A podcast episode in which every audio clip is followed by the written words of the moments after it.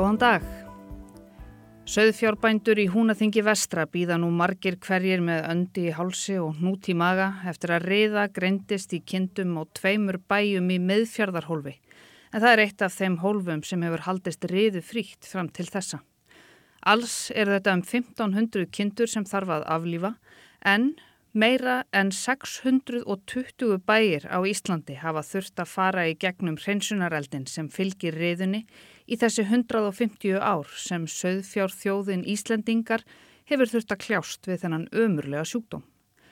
Eins og við heyrðum núna í fréttum þá ætla bændur í miðfyrði að senda álíktun á matvælaráðunetti og kalla eftir breyttum viðbröðum við smittum sem hafa greinst í fyrðinum. Bændurnir telja tímabært að reyna aðra nálgun en að skera niður allt fjöð þar sem sjúkdómurinn greinist. Og þetta gera þau vegna þess að þrátt fyrir fjölmarkar og stórtækar aðgerðir stjórnvalda hinga til, þá virðist þessi óvenjulegi og þraut segi sjúkdómur alltaf finna sér nýjar leiðir til þess að leggjast á dýr. En það gæti verið ljós í myrkrinu það stendur til að rækta hér upp söðfjárstofn sem er ónæmur fyrir riðu og það er búið að finna meira en hundrað kindur sem bera ákveðna arfgerð sem gerir þau ónæm fyrir riðunni. Síðustu fregnir voru þær að stjórnvöld hafa leitað enn á ný til íslenskar erðagreiningar og beði þau um að aðstóða í baráttunni. Það er að segja að greina rollurnar í röðum og sjá hverjar bera gullna genið. Ég heiti Sunna Valgeradóttir og í þetta helst í dag ætla ég að fjalla um þennan bannvæna, ömurlega og ólæknandi príonsjúkdóm sem leggst reyndar ekki bara á ferfællingana okkar heldur í sumum tilvikum okkur sjálf. Byrjum á smá upprifjun síðan í fyrra þegar ég fjallaði um riðu í dýrum en líka í mönnum. Riðuveiki og aðri skildir sjúkdómar leggjast á ymsar tegundir dýra í öðrum löndum. Riðan er flokku sem TSE, príón sjúkdómur, sem er smittandi heilasjúkdómur þar sem vökfafyllt holrúm myndast í heilanum og hann verður svampkendur. Þetta mætti yfirfara á íslensku sem smitandi fröðkenda heilaskemt eða einfallega smitandi riðusjúkdóma. Sjúkdómur af þessum flokki sem leggst á fólk, svo kalluð Kreutzfeldt-Jakob veiki, er sjálfgefari hér á landi en í mörgum öðrum löndum og ekkert samhengi virist vera á milli hans og riðuveikinar. Með öðrum orðum það virist engin hætta á því að riðuveiki í söðfjö valdi sjúkdómi í fólki. Enkenni riðusjúkdóma í fólki eru skjálti og doði í útlimum, sjónskerðing, minnisleysi, persónleikabreitingar, taugaveiklun, taugakippir, hláturrókur, vitglöp, lömun og á endanum dauði. Við riðusjúkdómum er engin lækning. Allir sem hafa greinst með mannariðu í heiminum eru með sérstaka arfgerð sem nær helmingur hvita kynstofnsins ber með sér. Spurningin er hins vegar hvort þau sem bera aðra arfgerð geti einnig síkst og ef svo er hvort meðgöngutímin geti þá verið lengri og sjúkdómsmyndin önnur. Því er ógerlegt á þessu stígi að spá fyrir um það hver margir hafi síkst af mannariðu og hver margir eiga eftir að veikjast.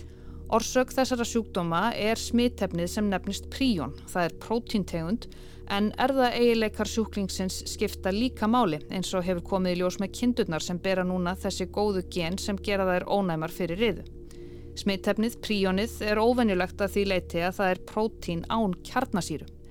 Kjarnasýrur hafa hingað til verið taldar engjana allt líf, þar með talið örverur og sníkjudýr sem venjulega smitta menn og dýr.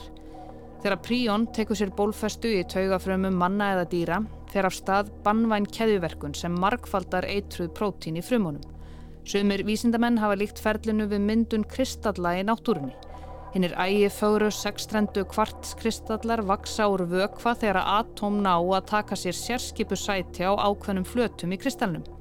Þegar samhljómi er náð, vex kristallin lag fyrir lag á óralöngum tíma. Og það sama gerist þegar príón fer í heilavið.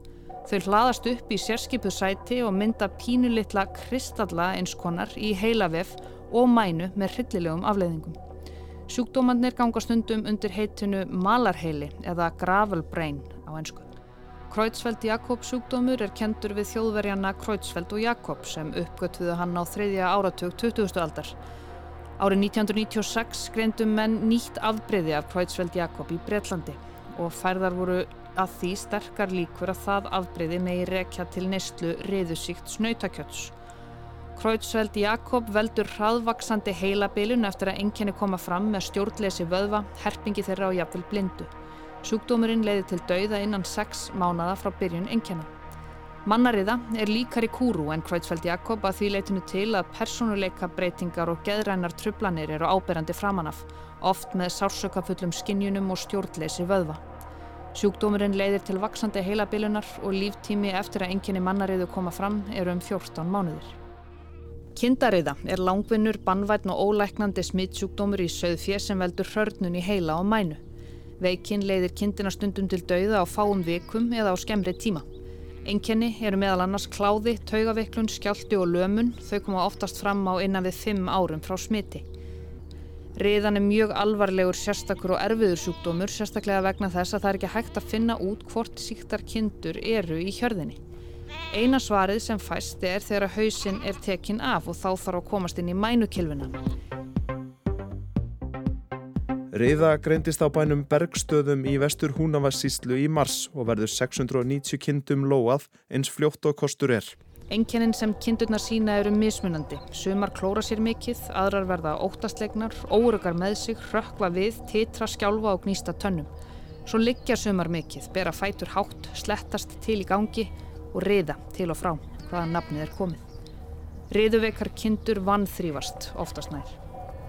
Þetta er í fyrsta skipti sem riða greinist á svæðinu sem nú verður skilgreint síkt. Farga skal hverri kind sem látin hefur verið til annara bæja frá síktabænum líka öllum kindum frá öðrum bæjum sem hýstar hafa verið á riðubænum yfir nótt eða lengur. Þar sem riða hefur náða að búa um sig og smitleðir ókunn getur þurft að farga á snertibæjum og jafnvel öllu fjö á heilum svæðum. Hérastýralæknir metur hvað hægt er að hreinsa, hvað verður að fjarlæga og áætlar jarðvegskipti við hús.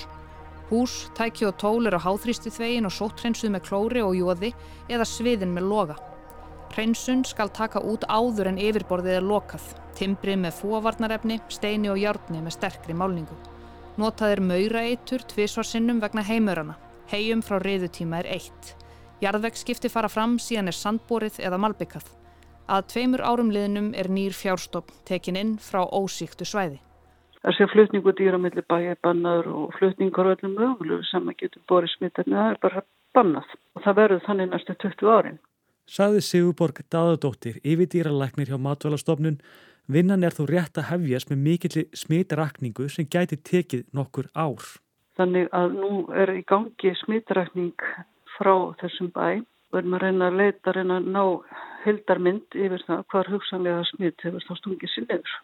Svæðið er verulega umfangsmikið og þess vegna ljóst að breytingarnar hafa áhrif á marga þó að þetta sé minsta smittólfið af þeim 26 sem eru á Íslandi. Og þetta er allur eða frá hrútafjörðabotni og í miðfjörðabotn og alveg upp í langtjóku. Sæði Sigur Borg Daðadóttir, Valur Grettisson tók saman. Og þetta var svo í speiklinum fyrir tveimur vikum. Þarna 3. apríl var ekki búið að finna smitið á setni bænum en nú er búið að slátra öllu fjennu á bergstöðum. Og nú um helgina kom Halla Signi Kristjánsdóttir, þingmaður framsóknarflokksins, til mín í vikulokkin þar sem riðan var meðal annars til umræðu. Halla Signi hefur verið þingmaður í dágóðan tíma en hún er að vestan og var um tíma söðfjárbóndi í önundafyrði. Þetta er, mm. er vestu óunurinn. Ég ætla nú að spila brott úr vikulokonum en lími með þeim klippur úr gamla reyðuþættinum síðan í júli í fyrra. Svo heyrist líka í kvöldfréttum sjómasins síðan á lögadag. Voru mjög dabra fréttir að, að það hefði greinstir í það í miðfjörðar hólfi í, hérna, og, í er mjög fyrsta skipti, þetta er reynd svæði og, og ég, til dæmis eins og vesturir eru reynd svæði og því er þetta mikið áfall og sérstaklega og ég bara fæ alveg fyrir stingur í hjartað þegar ég veit að, að til dæmis núna að þeirra á að fara að slátra 720 kindum svona rétt fyrir söðbur sem eru bara nokkru dagar í.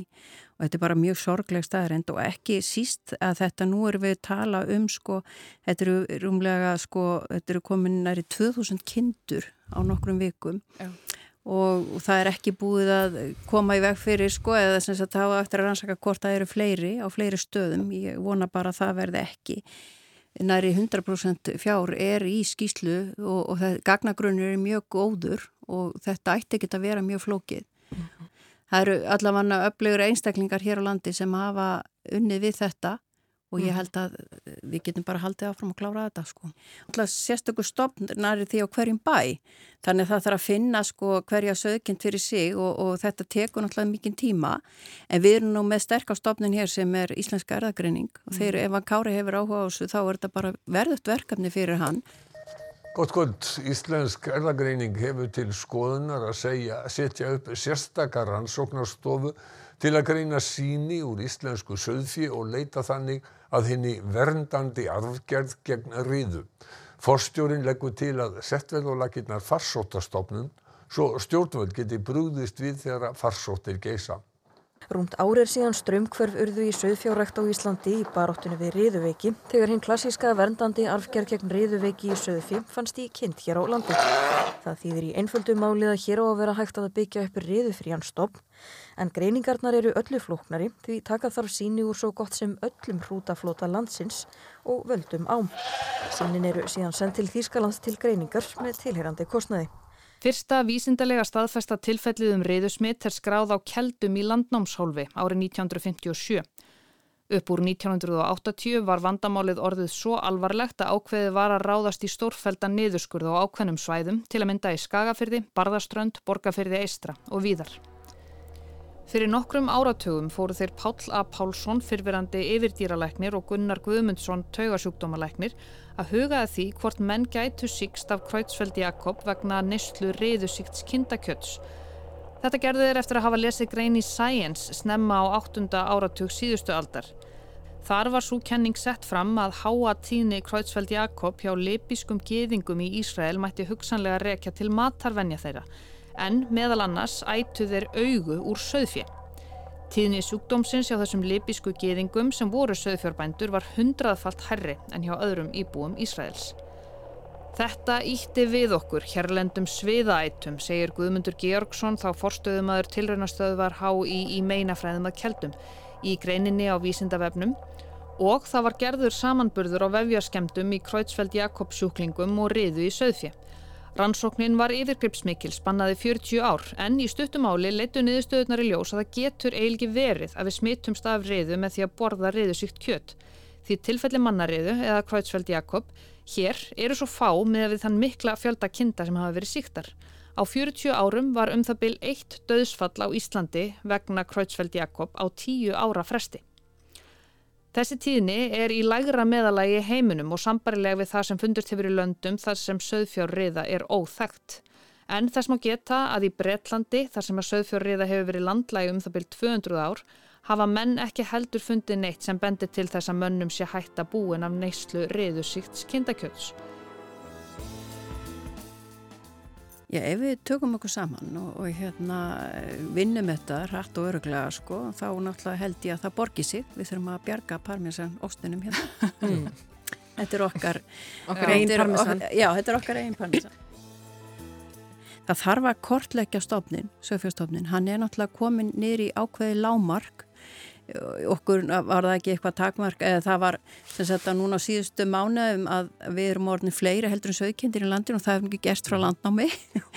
Þannig að þetta er orðið viðræðileg starf Ok, er það? Já, það er orðið þannig. Okay.